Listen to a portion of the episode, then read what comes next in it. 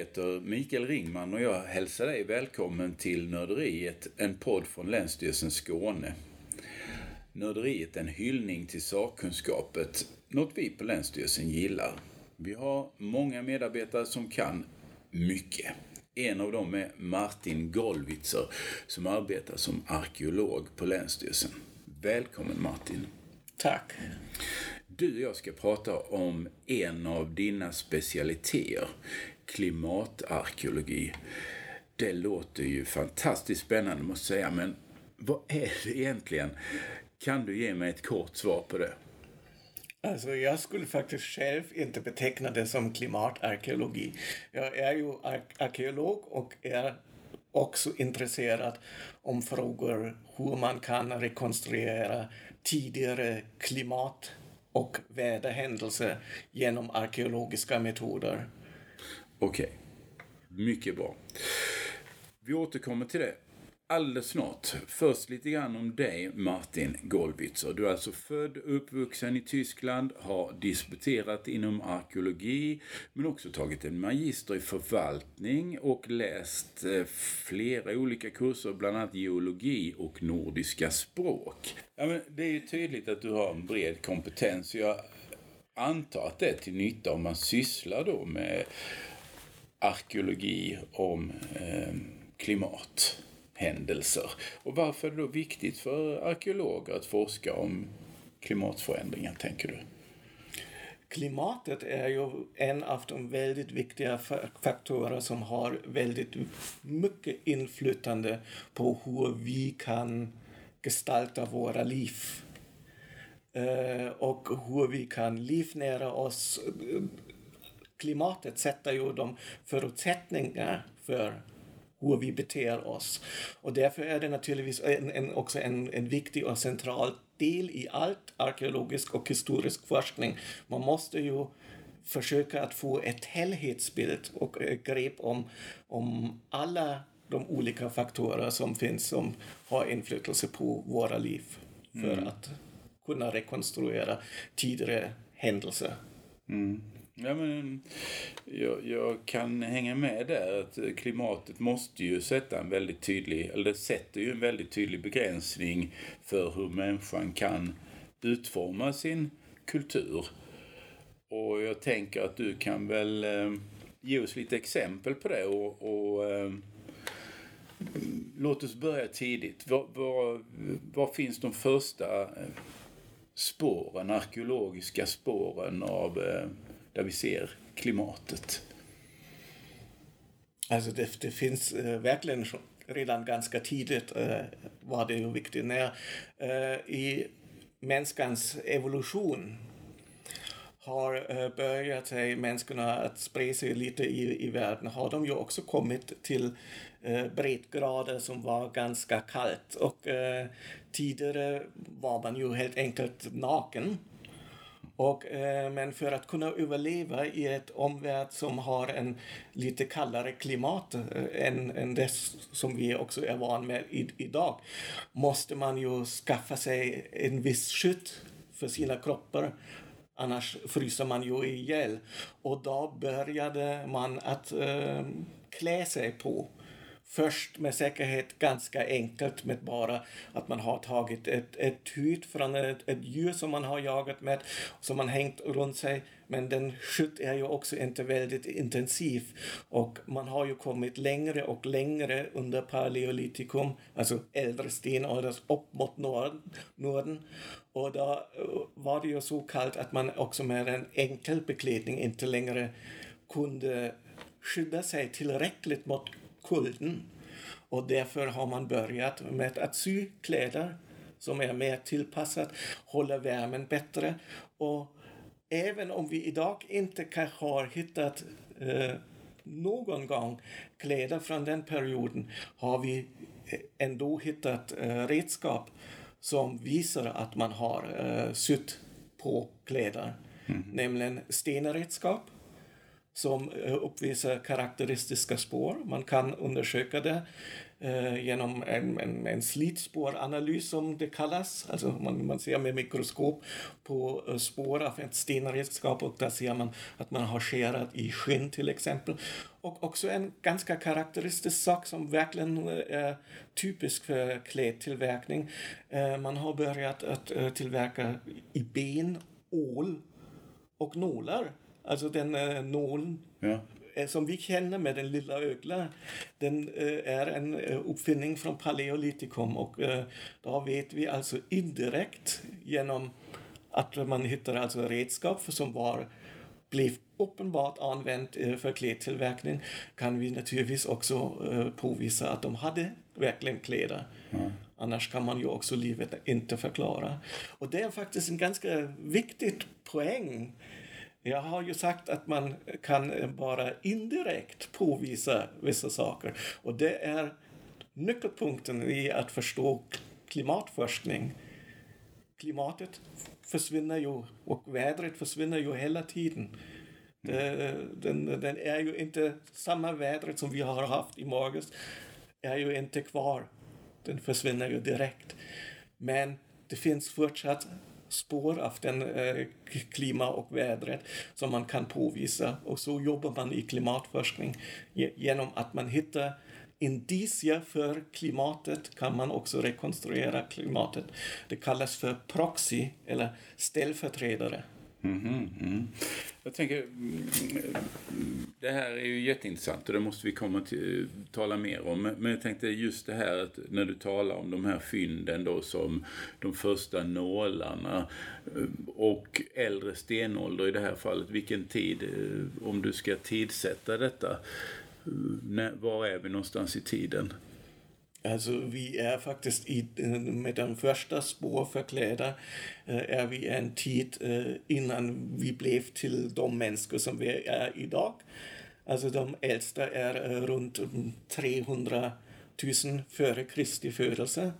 Och då var man fortsatt alltså en Homo erectus och inte en Homo sapiens sapiens. Du talar ju då om att indicier här, alltså proxy. Eh, vilka typer av indicier är det eh, ni jobbar med här?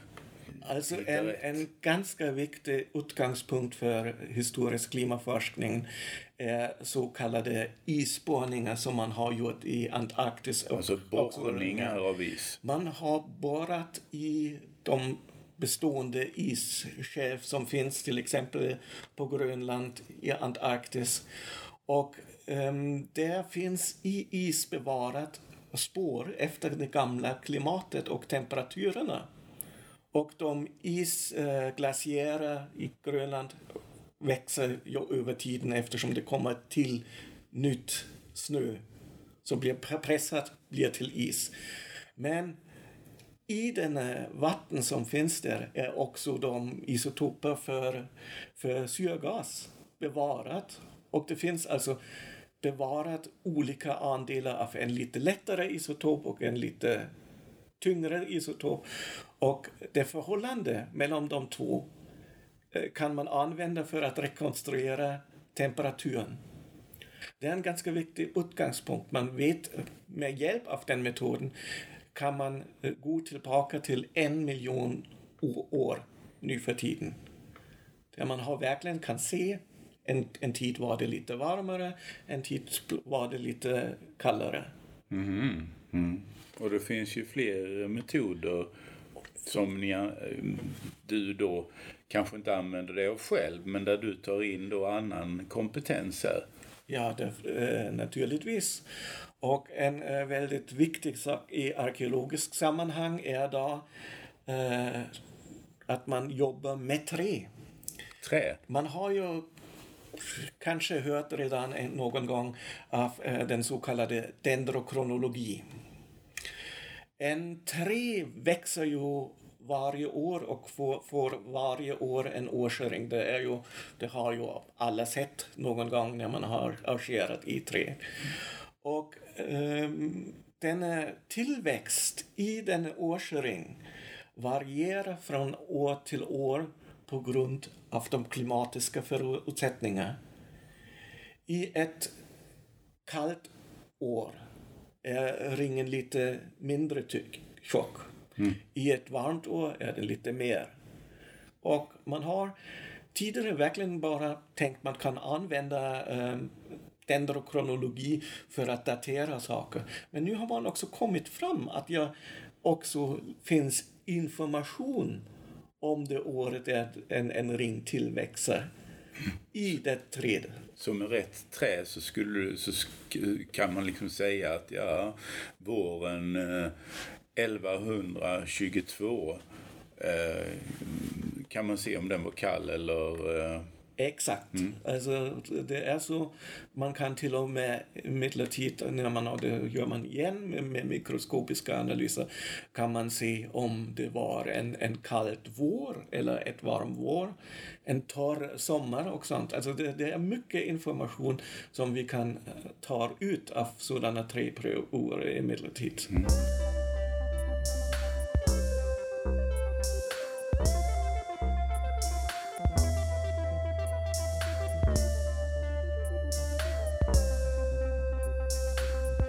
Hört också att eh, pollen är sånt som, som kan rymma eh, information. Var, var, var, hur funkar det? Det är helt eh, rätt. Det är ju också växtligheten i sin allmänhet är ju väldigt starkt beroende av vädret. Man vet ju alltså om det är torr växer plantorna inte och vi har ju ibland också haft stora problem på grund av för mycket torra tider eller för våta tider som igen har, kan ha negativt. Och eh, plantor som pollinerar, alltså som producerar pollen, eh, kan, alltså pollen är en väldigt, eh, väldigt stabil material egentligen. Och det bevaras till exempel i myrmark. Gans, ganska myrar? Alltså. Ja, i myrar ja. eller i, överhuvudtaget i fuktiga miljöer. Och när man då tar en borrkärna på samma sätt som man tar, tar isborrkärna i Antarktis kan man ta en borrkärna i ett eh, äh, myr och äh, från en sån borrkärna kan man isolera, ta ut pröver av pollen. Och den pollen är också, de har en ganska karaktäristisk egen form som är typisk för vissa växter. Och en expert som för pollenanalyser kan då se eh, vilka plantor som har vuxit i närheten av det myr som prövet är taget. Mm. Man kan sådana pröver naturligtvis också datera och kan upprätta en diagram som visar hur växtligheten har förändrat sig över tid. Och det är naturligtvis också en väldigt bra indikator för klimatförändringar och eh, väderhändelser mm. som kan ha hänt i, i närheten av det myr. Okej, okay, så då kan man li, liksom genom att se, ja men vad, vad, vad, har vi för pollen här? Kan man få veta eh, någonting om eh, betingelserna för hur eh, den växtligheten var vid den tiden. Vad för växter fanns i närheten av den provtagningen. Och då, det är också en, en väldigt bra sak eftersom vissa växtligheter eh, följer också med med mänsklig aktivitet. Vissa växter gynnas genom att eh, eh djur betar i närheten och eh, gödslar området också. Så får vi också indirekt en proxyindikator för mänsklig ak aktivitet. Jag vet ju att du också tittat på kopplingen mellan eh, klimatet och myter. Där det nordiska klimatet påverkar våra myter på ett annat sätt än exempelvis Mellanöstern? Ja, det är, alltså, det är ju ganska intressant alltså, eftersom klimatet eh, påverkar oss ju väldigt intensivt. Och om vi ser då på eh, vissa myter i vissa områden, då har vi eh, i Mellanöstern, dagens Irak, eh, eh, delar av Syrien har vi ju haft eh, den eh, sumeriska kulturen eh, i en tid eh, runt eh, 3000 före Kristi. Och det finns myter som vi fortsatt eh, kan hitta från den tiden eftersom man började i den kulturen också med att teckna ned och skriva ned saker. Och eh, den kulturen var väldigt starkt beroende av eh, floderna Eufrat och Tigris. Mm. Och eh, där, därifrån kommer faktiskt den myten som vi också känner från Bibeln, nämligen syndafloden. Och det återspeglar med säkerhet också att just för lite vatten skulle ha varit väldigt förödande för den kulturen eftersom det växer ingenting. Det finns också beskrivelser av uh, långa törkefaser. Men för mycket är det samma. Mm. Och uh, då återspeglar alltså de naturliga förutsättningarna också i de myter. Alltså man har alltså ansett att det värsta som kan hända är en, en stor flod som verkligen förödar allt. Mm. Kommer vi här till Skandinavien, då finns ju en annan sak. Nämligen i de eh, Edda-dikterna finns ju en beskrivning hur man under ja, vikingtid, vikingtid och kanske även eh, lite äldre har föreställt sig hur eh, världen kommer att eh, försvinna eh, i, i en viss tid. Och det är ganska intressant att man har haft föreställning att det värsta som kan hända är ett vinter en mm. väldigt långt vinter och det kallades där uh, i, i Edda-dikterna också för Fimbulvinter. Mm. Just det, det var det som var flera... Ragnarök, att det var, det var där det gick under. Då gick världen under i en, en vinter som pågick i flera år. Och då har man alltså, förstår man också, man var rätt för att det kunde hända på något sätt eftersom flera år med väldigt intensiv vinter skulle föröda allt lantbruk och allt uh, möjligheter till att livnära sig helt enkelt. Mm. Du nämner ju ordet uh, då fimbulvinter, att det, det kommer ju från, uh, från Eddan då, men det används ju också så om, om en eh, period på någonstans 600-talet då det, då det sägs ha varit väldigt kallt i, mm. i eh, Norden.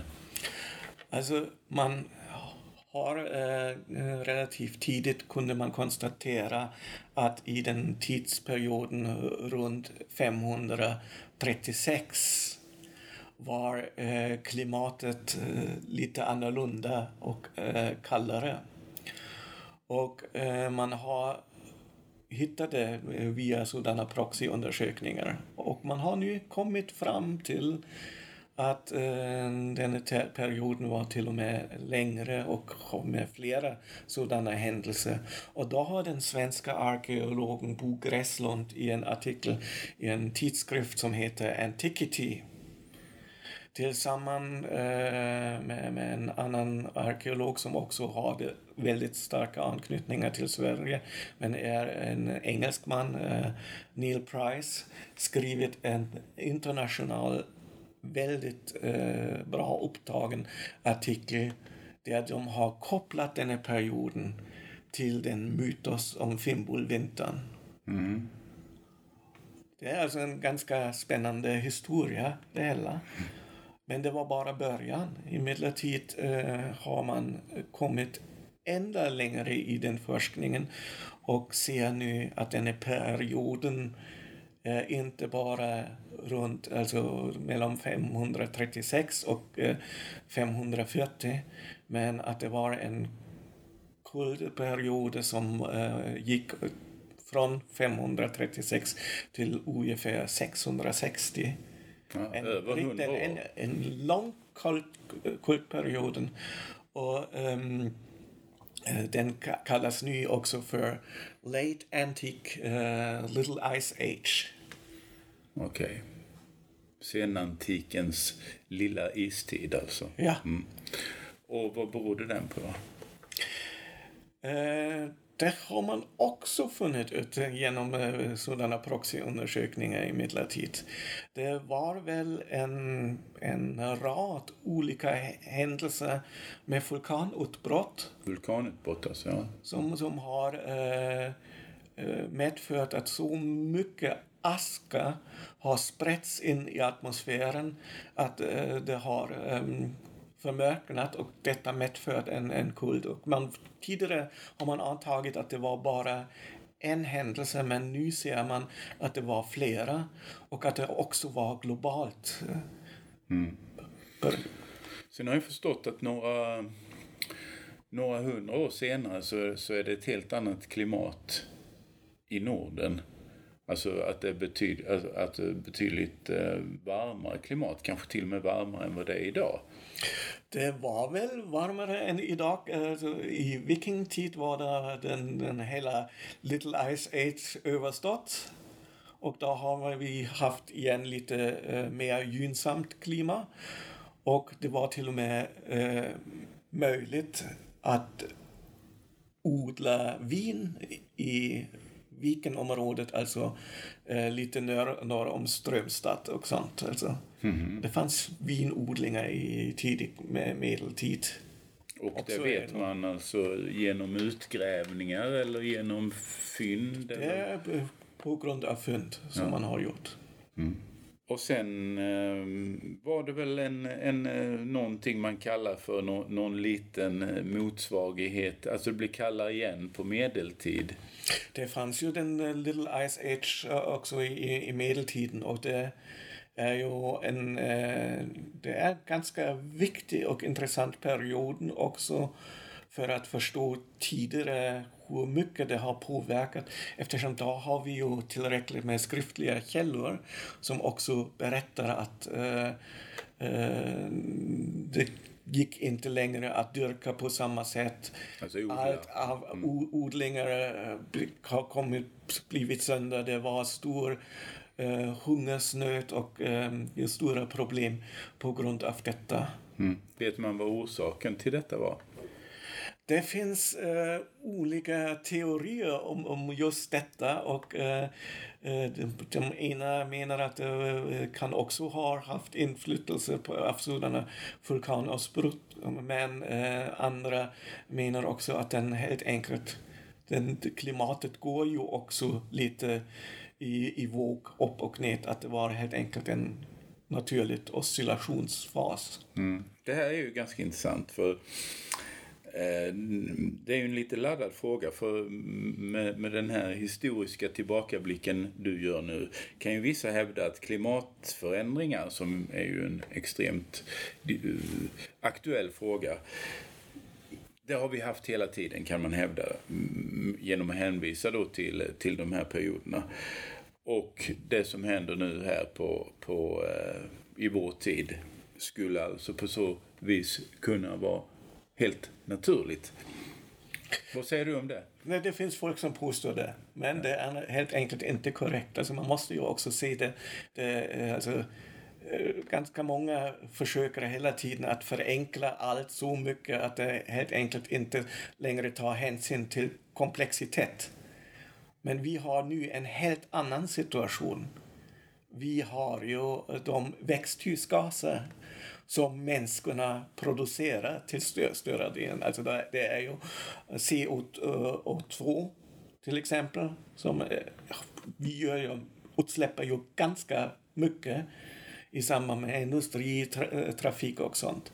Och den koncentration är ju verkligen, alltså det vet man helt enkelt, är gjort från människorna och genom oss.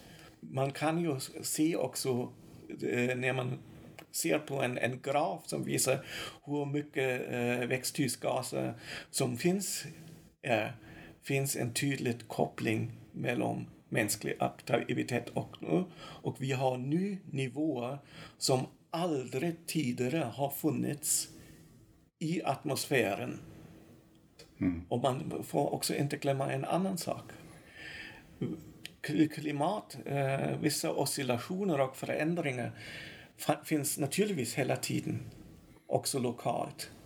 Men det, tidigare var det så att det har funnits stora skillnader i olika världsdelar.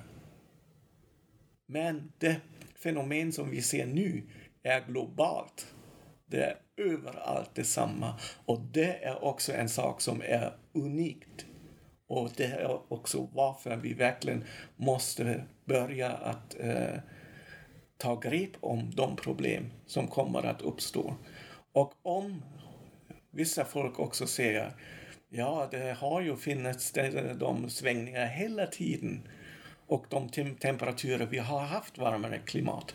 Men vi kommer att få här ett klimat inom kort tid som är så varmt att vi har inte sett någonting liknande. I alla fall så länge människorna har funnits på jorden. Mm. Mm.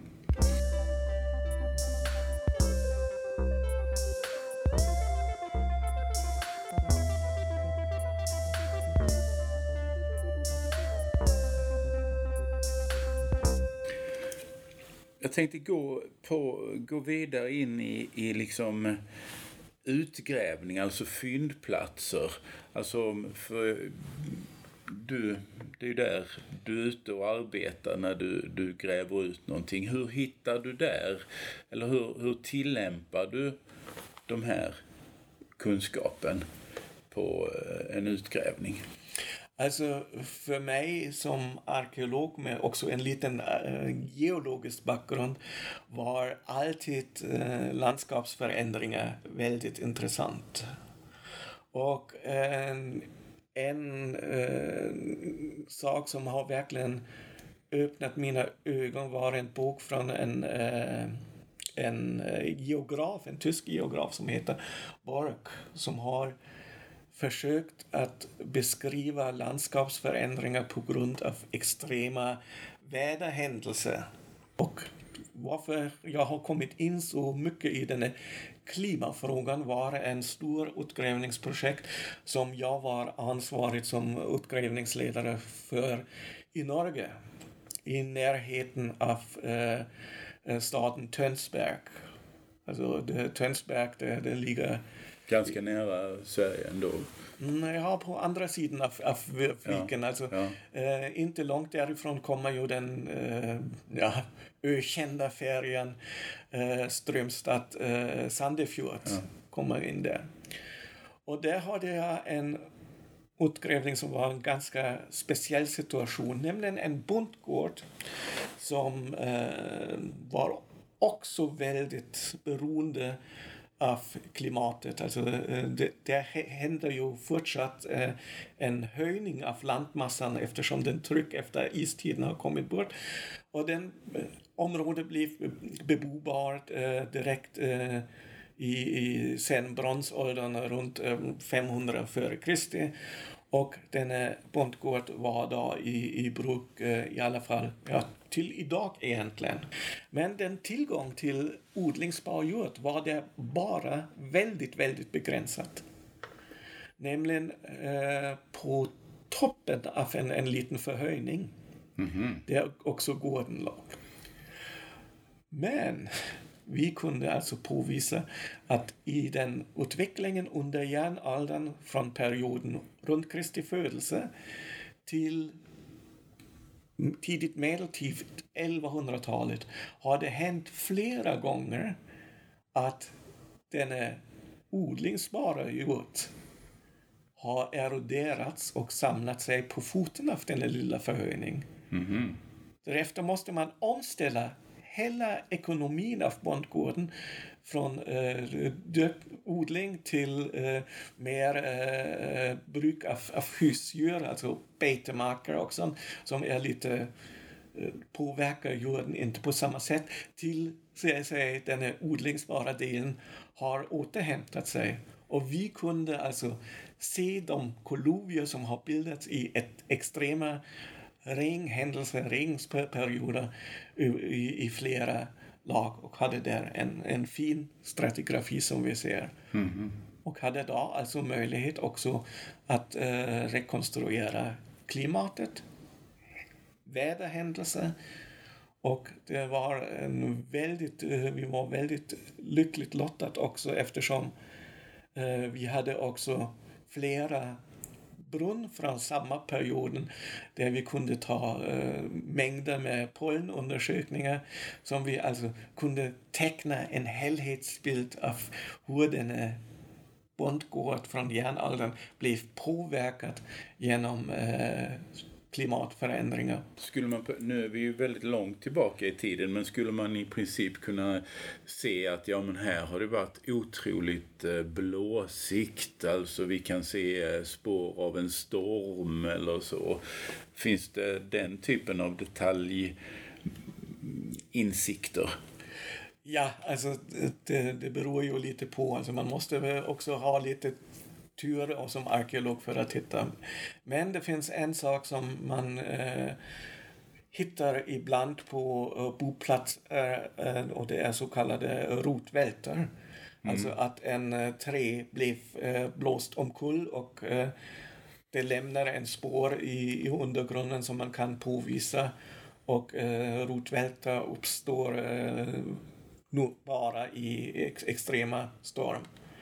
Eh, alltså då kan man ju fundera över hur eh, torkan 2018 eller eh, stormen Gudrun som var för något decennium sedan, hur eh, kommer de att kunna synas i, i, i spåren från vår tid?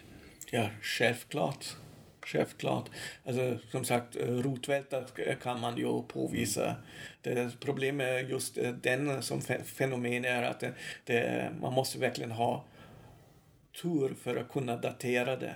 Om vi ska börja avrunda här och du får spe spekulera lite fritt. Vad, vad, tror du att framtida arkeologiska metoder skulle kunna säga om uh, den tiden vi lever i nu?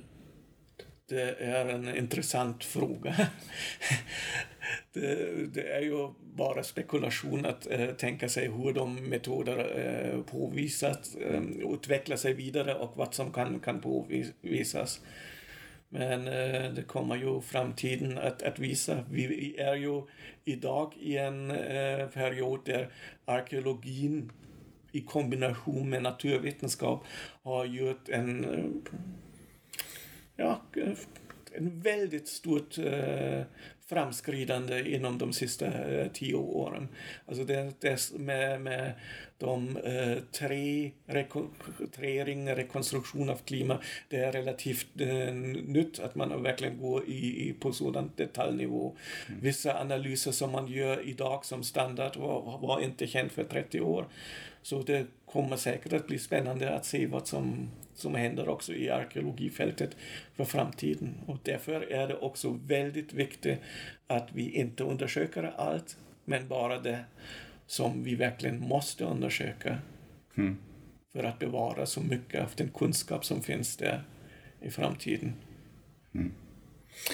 Det tycker jag är ett um, fint slutord här. Så eh, då tackar jag dig Martin Golvitsos. Eh, fantastiskt intressant och gå så eh, långt tillbaka och så djupt in i de här frågorna. Och tack till er som har lyssnat. Vi återkommer med ett nytt Nörderiet så småningom, när ni minst anar det. Tack och hej!